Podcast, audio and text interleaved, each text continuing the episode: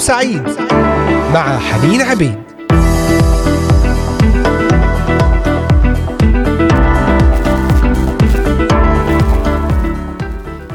أرحب بكل الأحباء المستمعين أينما كنتم من إذاعة صوت الأمل من الأراضي المقدسة لمختلف بلدان الشرق الأوسط وبلدان أوروبا كندا أمريكا أستراليا. أجمل وأطيب ترحيب في هذا اللقاء الجديد اليوم السادس عشر من شهر يونيو حزيران. والساعة الواحدة وتسع دقائق بتوقيت الأراضي المقدسة. حلقة جديدة لنكمل فيها في دراستنا عن كيف نمتلك الحرية الكاملة خطوات الحرية.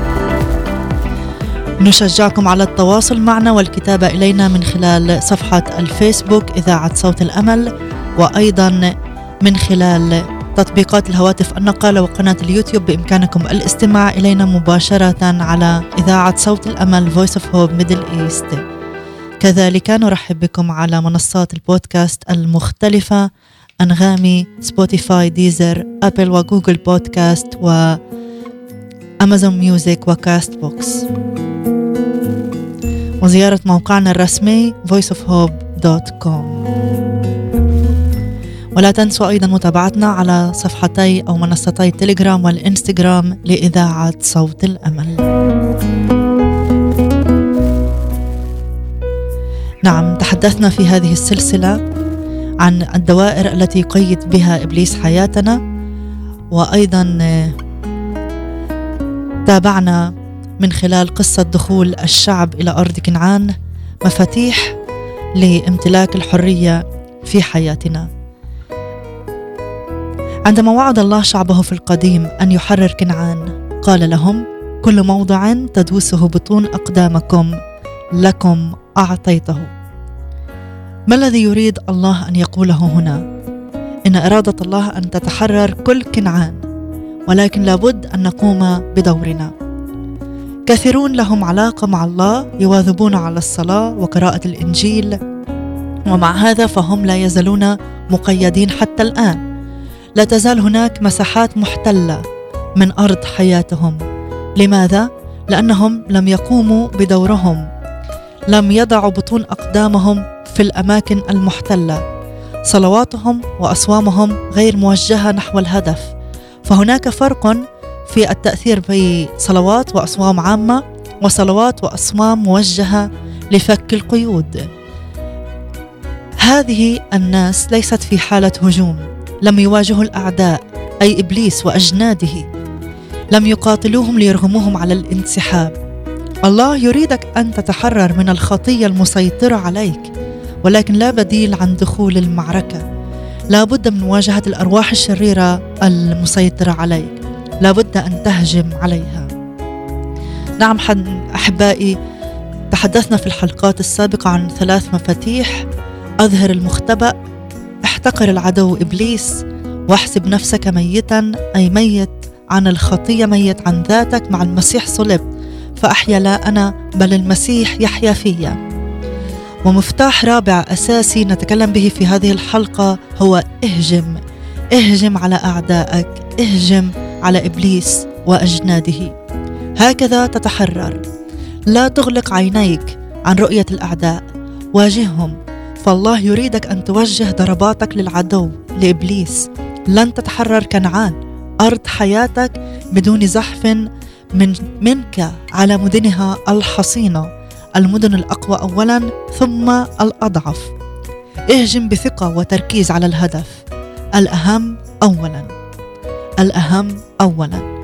نتابع في حديثنا بعد أن نستمع إلى ترنيمه مع فريق الحياة الأفضل من رايح يفصلني عنك لكن في البداية دعونا نصلي ونطلب عمل الرب في هذه الحلقة. إلهنا الصالح نشكرك على هذا اليوم الجديد والفرصة لنسمع صوتك وكلامك. كلمنا يا رب. نصلي لكل إنسان مقيد في عبودية من إبليس في قيد في النفس في المشاعر في الجسد. أنت المحرر واعطنا أن نفهم دورنا وأن نهجم هذه الهجمات على إبليس لكي لا يبقى له مساحة في أراضينا باسم يسوع المسيح. آمين آمين. مين رايح يفصلني عنك؟ ومن ثم نكمل حديثنا.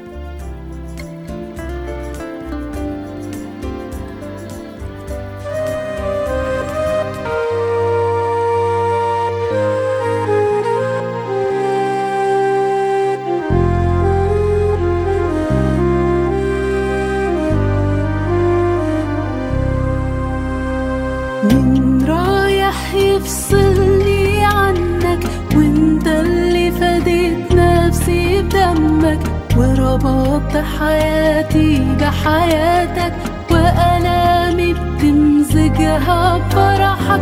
وربطت حياتي بحياتك. وألامي بتمزجها بفرحك. وألامي بتمزجها بفرحك. لا اسمي منقوش على كفك. ونفسي محفوظة في سترك وقلبي مديون لحنانك وحياتي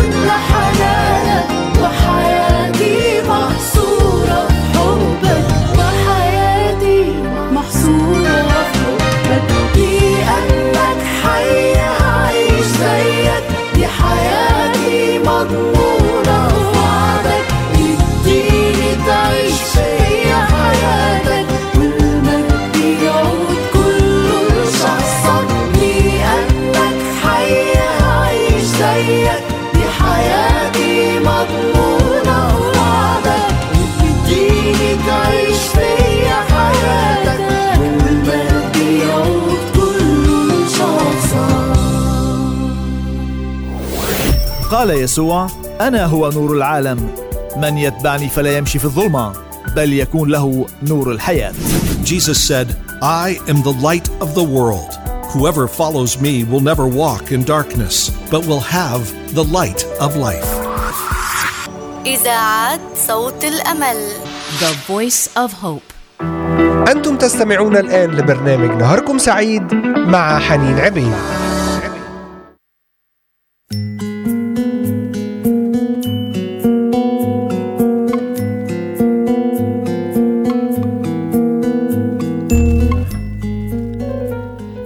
نعم أحبائي نكمل في حديثنا في هذه الحلقة في الخطوات التي نتخذها لكي يكون لنا حرية كاملة والنصر على إبليس. تحدثنا في الحلقات السابقة عن خطوات ثلاثة أظهر المختبأ القيود المختبئة في الظلمة تأتي إلى النور من خلال جلستك مع الرب من خلال مرشد روحي من خلال أجواء عبادة وتسبيح في اجتماع معين. ثانيا أن تحتقر العدو كما ذكرنا آية رائعة من سفر أشعياء احتقرتك آه، استهزأت بك العذراء ابنة صهيون. العذراء رمز الضعف، رمز عدم القوة وعدم الحيلة. هذه العذراء تحتقر تحتقر لماذا؟ كأنها تستهزئ بإبليس فأنا أقوى منك دم يسوع الذي طهر حياتي هو أقوى منك. مهما فعلت فيسوع الذي في أقوى منك. هذا هو معنى الاحتقار أنك تعلن أنك أقوى من إبليس وأنك لا تهتم وأنك لا تخاف ولا ترتجف عندما يهاجمك. احسب نفسك ميتا المفتاح الثالث بمعنى أن تطبق الآية التي قالها بولس الرسول مع المسيح صلبت فأحيا لا أنا. بل المسيح يحيا فيا. تموت عن ذاتك تموت عن نظام العالم الذي كنت تحيا فيه شهوات العالم وبذلك تمتلك النصره مفتاح رابع نتكلم فيه في هذه الحلقة هجوم على إبليس. أن تواجه اعدائك واجه إبليس وكل أجناده وأعماله ضدك. وتكلمنا عن كنعان والشعب في القديم وهذا لنا مثل في قصة الحرية. عندما بدأ شعب الله في القديم هجومه على هدف محدد هو مدينة أريحة. لماذا بدأ هجومه بهذه المدينة بالذات؟ لأنك يجب أن تهجم بثقة وتركيز على الهدف والأهم اولا. لانها هي أقوى مدن العدو وسقوطها ضربة قاضية له تجعله يستسلم بسهولة في بقية المدن. في حياة الإنسان المقيد أريحة تمثل القيد الأخطر. القيد الذي لا بد أن يتحرر منه اولا حتى تنفك بقية القيود تباعا بسهولة. صلي معي عزيزي المستمع. ارفع قلبك إلى الله. هيا إلى عرش النعمة. اطلب منه لكي يكشف بالروح القدس. لك أريحة الخاصة بك القيد الأقوى القيد الكبير. اريحه لم تكن معركة تتكرر. معركة مميزة عن كل المعارك. هي المعركة الأولى والحاسمة. تتحدث عن أول قيد لا بد أن اتحرر منه حتى تسهل حريتي من كل القيود الباقية. أريحة هي القيد الأول الذي يجب أن ينكسر. في حياة السامرية مثلا كان قيد الجنس فهي عاشت مع خمسة أزواج والسادس لم يكن زوجها. قيد المال بالنسبة لزكا. كان عشارا يسرق الأموال يختلس من الضرائب. قيد الإحساس بأنه أفضل من الآخرين بالنسبة لبطرس. كثيرون يجدون صعوبة غير عادية في التخلص من قيود النجاسة بسبب أنهم يتجاهلون وجود أريحة القيد الأول الذي غالبا ما يكون الأنانية أو عدم الصفح. كم نحتاج أن نصلي من أجل جلسات إرشاد. مقادة بالروح القدس تكشف لنا اريحه القيد الأهم في حياتنا والذي يجب أن نتخلص منه اولا.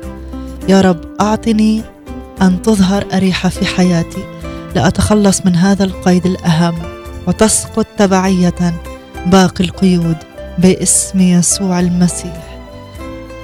أنت الحمل المذبوح الذي مت من أجلي ودفعت ثمن خطاياي لكي تحررنا أيضا من كل قيد. تعالوا نرنم هذه الترنيمة ونرجع لنكمل.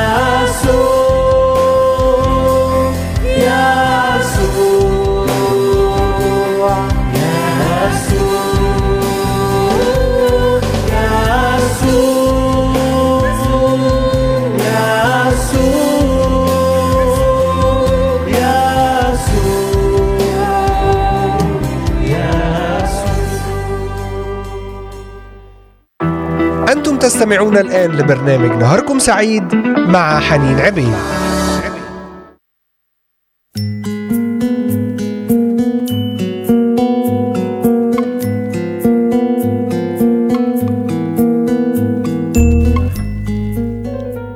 نعم أحبائي نتكلم عن المفتاح الرابع في امتلاك الحرية وهو الهجوم. الهجوم على مملكة الظلمة مملكة إبليس. واسترجاع حريتنا كاملة. استرجاع أراضينا. أراضي الفكر أراضي النفس الروح البيت. كل ما قيد من إبليس يرجع. في قصة تحرير أرض كنعان من قبل شعب الله دخلوا اولا إلى أريحة. وأريحة لم تكن معركة تتكرر كما ذكرنا قبل الفاصل معركة مميزة عن كل المعارك معركة أولى وحاسمة. هي تمثل القيد الذي منه أتحرر اولا حتى تسهل حريتي من كل القيود الباقية. أريحة هي القيد الأول الذي يجب أن ينكسر. لربما قيد جنسي لربما قيد محبة المال لربما قيد الشعور بأنني أفضل من الآخرين. كيف هجم الشعب على أريحة؟ وماذا كانت خطتهم؟ لقد ساروا حولها ليهدموا أسوارها الشامخة لكن هل تغلبوا عليها بقوة عضلاتهم؟ كلا. وماذا تقدر أن تفعل العضلات لأسوار شاهقة الارتفاع؟ هل تراجعوا أمامها اذن أيضا كلا. هم مثلي ومثلك ضعفاء جدا في ذواتهم لكنهم كانوا يتمتعوا بقوة من الأعالي لأنهم صدقوا كلمات الرب لهم. وثقوا أنهم أقوياء في الرب ويتمتعون بشدة قوته. واجهوا أريحة داروا حولها متسلحين بقوة رب الجنود. ونحن هل يواجه كل منا أريحة التي في حياته؟ هل يواجه المجال الذي يسيطر عليه عدوه؟ وهل نصير مثلهم؟ نرفض التراجع؟ وهل نعتمد على القوة التي كانت لهم؟ هل نرنم بثقة كلمات المزمور القائلة بالله نصنع ببأس وهو يدوس أعداءنا. طبعا للمؤمن ليس هناك أعداء إنما أعداء أجناد الشر الروحية إبليس وملائكته فهم يبغضون كل مؤمن محتمي في دم يسوع أشد البغضة. نص... نحتاج أن نعمل مثل شعب الله أن ندور حول هذه الأسوار بثقة بإيقان أنها ستسقط أن الرب أقوى منها. مهما كان علوها وشماختها. نحتاج أن نأتي إلى الرب. ونعم نحن ضعفاء. وشعب الرب كان ضعيفا في ذاته لكن قوة من الأعالي. نصدق كلمات الرب لنا. أقوياء في الرب في شدة قوته كما ذكر في رسالة أفسس الأصحاح الأول. واجه كل أريحة في حياتك بقوة رب الجنود. واجه المجال الذي يسيطر عليه عدوك بقوة رب الجنود. ارفض التراجع. امتلك القوة التي من الرب. رنم بثقة. بالله نصنع ببأس أي بقوة. بقوة. بقوة غير عادية.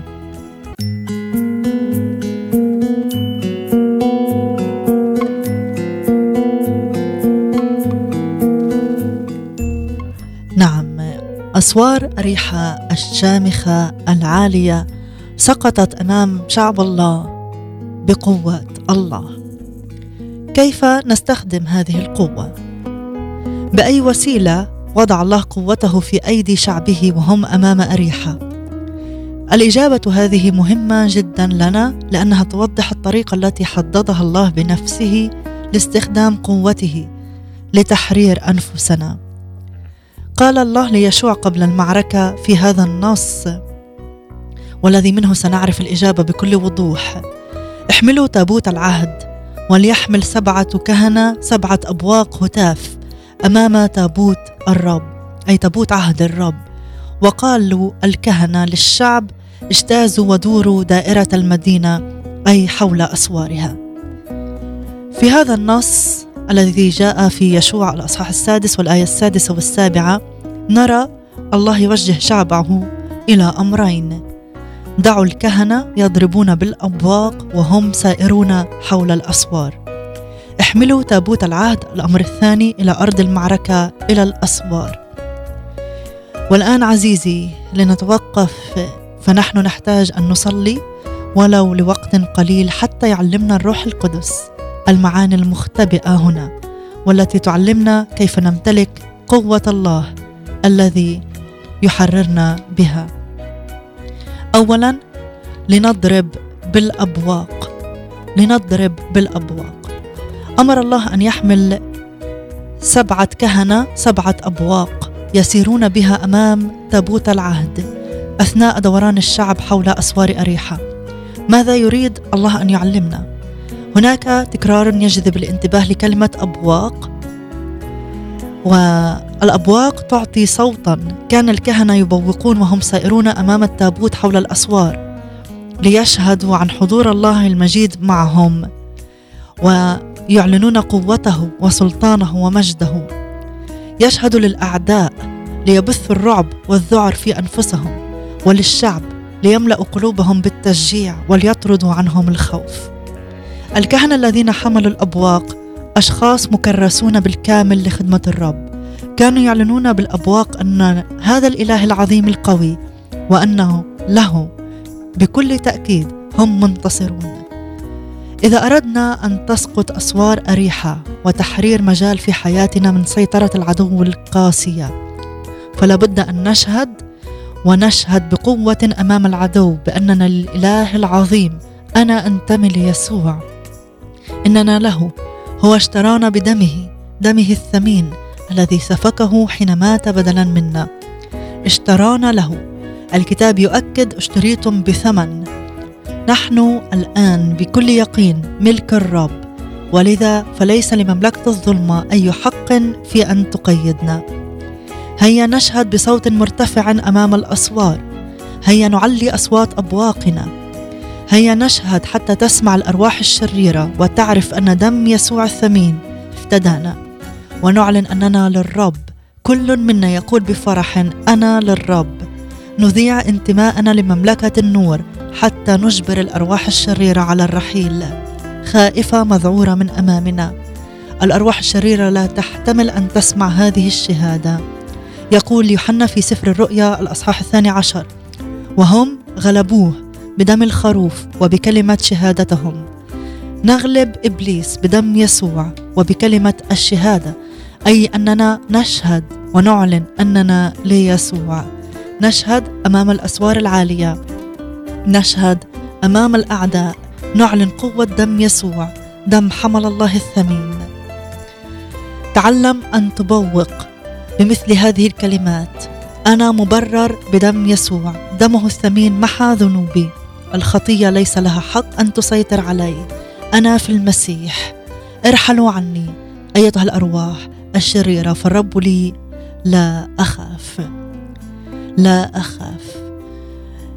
ثانيا احمل تابوت العهد إلى أرض المعركة. سوف نتكلم عن هذا بعد الفاصل مع متى رشدي لاسمك يفدينا بصدق أتينا.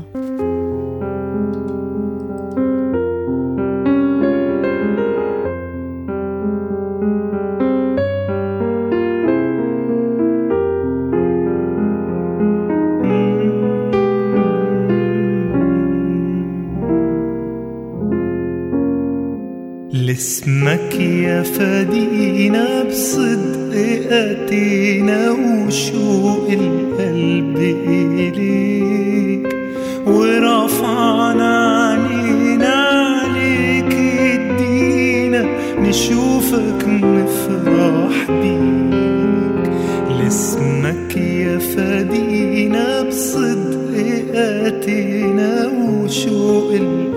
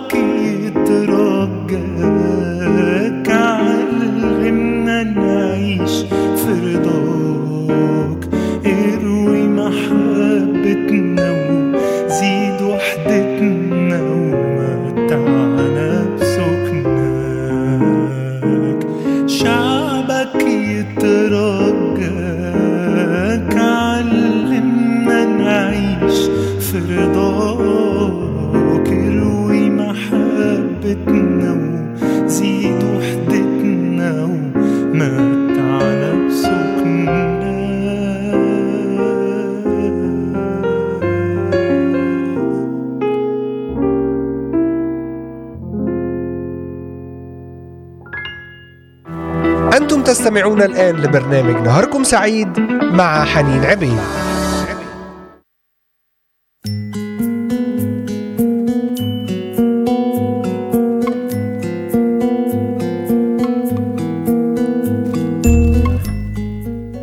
نعم الخطوة الأولى التي اتخذها الشعب في امتلاك أريحة أنهم داروا حول الأسوار حاملين الأبواق. أمر الله أن يحمل سبعة كهنة سبعة أبواق يسيرون فيها أمام تابوت العهد أثناء دوران الشعب حول أسوار أريحة. الأبواق تعطي صوتا وتعطي الصوت تبث الرعب في الأعداء والذعر في نفوسهم وللشعب حتى تمتلئ قلوبهم بالتشجيع وليطردوا عنهم الخوف. حاملي الأبواق كانوا مكرسين بالكامل لخدمة الرب. كانوا يعلنون بهذه الأبواق أن أنهم مكرسون بكل ما فيهم لهذا الإله العظيم القوي ولأنهم له فبكل تأكيد هم منتصرون. ونحن إذا أردنا أن ننتصر ونسقط أسوار في حياتنا ونحرر أي مجال في حياتنا من سيطرة إبليس علينا أن نشهد أننا الإله العظيم. الذي اشترانا بدمه الثمين وأن نتكرس بالكامل له. إذا هذا هو الدرس الأول أو المفتاح الأول وأما الثاني أحمل تابوت العهد إلى أرض المعركة. وهذه نقطة هامة جدا. حتى أن الكتاب المقدس يلفت النظر إلى أهميتها غير العادية. ذكر كلمة تابوت أحد عشر مرة في الأصحاح الذي يسرد لنا تفاصيل سقوط أريحة يشوع الأصحاح السادس. عزيزي احمل تابوت. العهد إلى أرض المعركة وإلا فلن تتمتع بالحرية. الحرية ترتبط بوجود هذا التابوت معك في أرض المعركة وهذا التابوت يمثل حضور الرب. كان الشعب يدرك هذا أن وجود التابوت يعلن حضور الله يعلن قوته يعلن سيادته. هذا كان يحدث في العهد القديم. والسؤال الآن ما هو الشيء الذي يقابله في العهد الجديد والذي لابد لكل منا أن يحمله إلى أرض المعرك المعركة ليعلن به حضور الله عندما يواجه إبليس؟ الإجابة هي في سفر أعمال الرسل. سجل لنا الكتاب على صفحاته حياة مؤمني الكنيسة الأولى. يقول أن ما يقابل تابوت عهد الرب هو اسم الرب يسوع. كانت الكنيسة الأولى تعلم جيدا قوة النطق بهذا الاسم. فالتلاميذ كانوا يبشرون به وكانوا يجرون معجزات الشفاء ويطردون الأرواح الشريرة. بينما أينما ذهب التلاميذ كانوا ينطقون بهذا الاسم قوة اسم يسوع. قوة اسم يسوع. هي ما تماثل تابوت عهد الرب في أيامنا في أيام العهد الجديد. آمين آمين.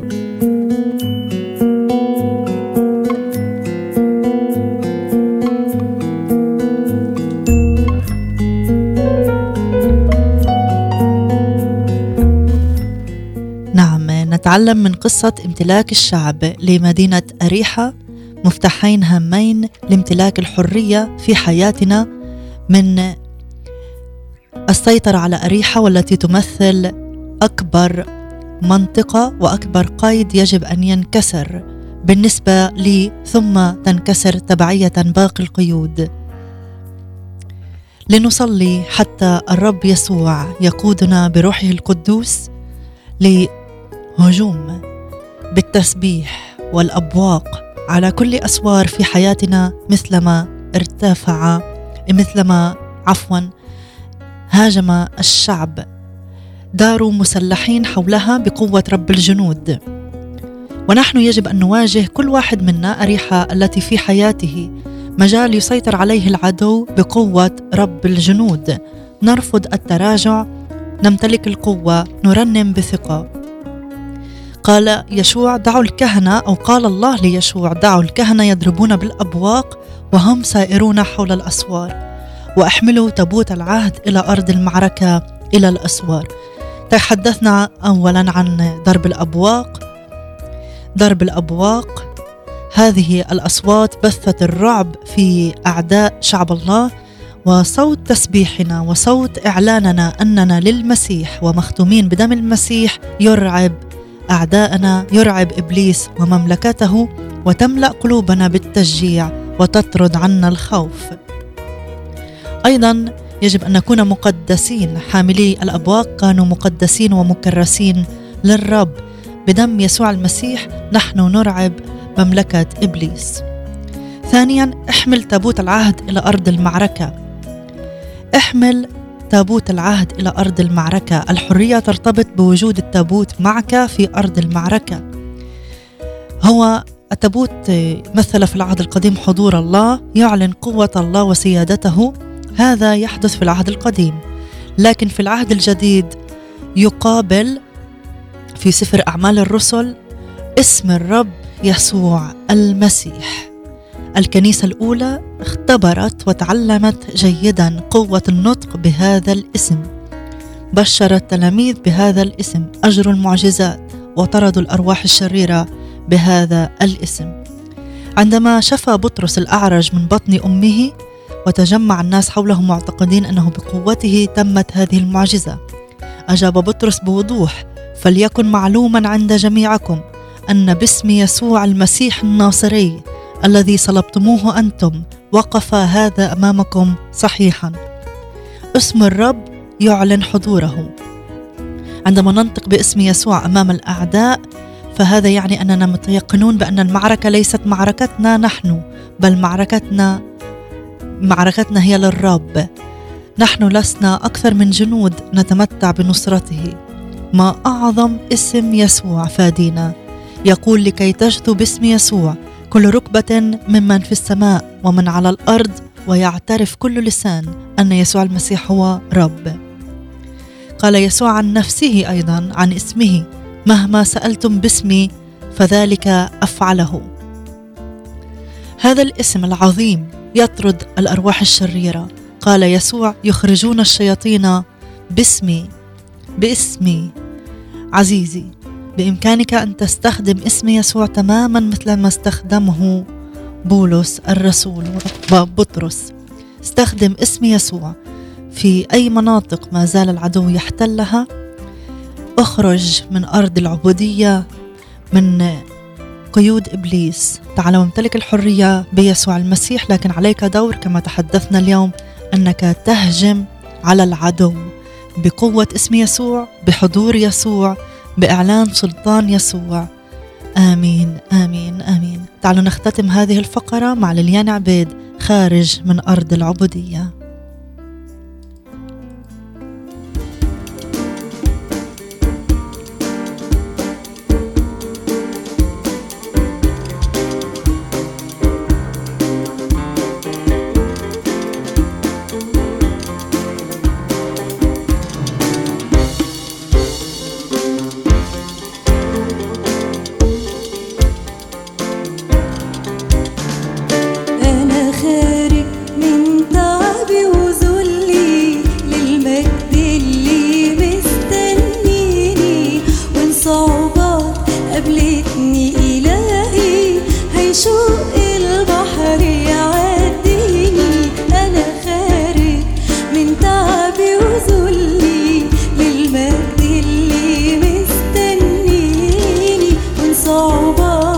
قابلتني إلهي هي شوقي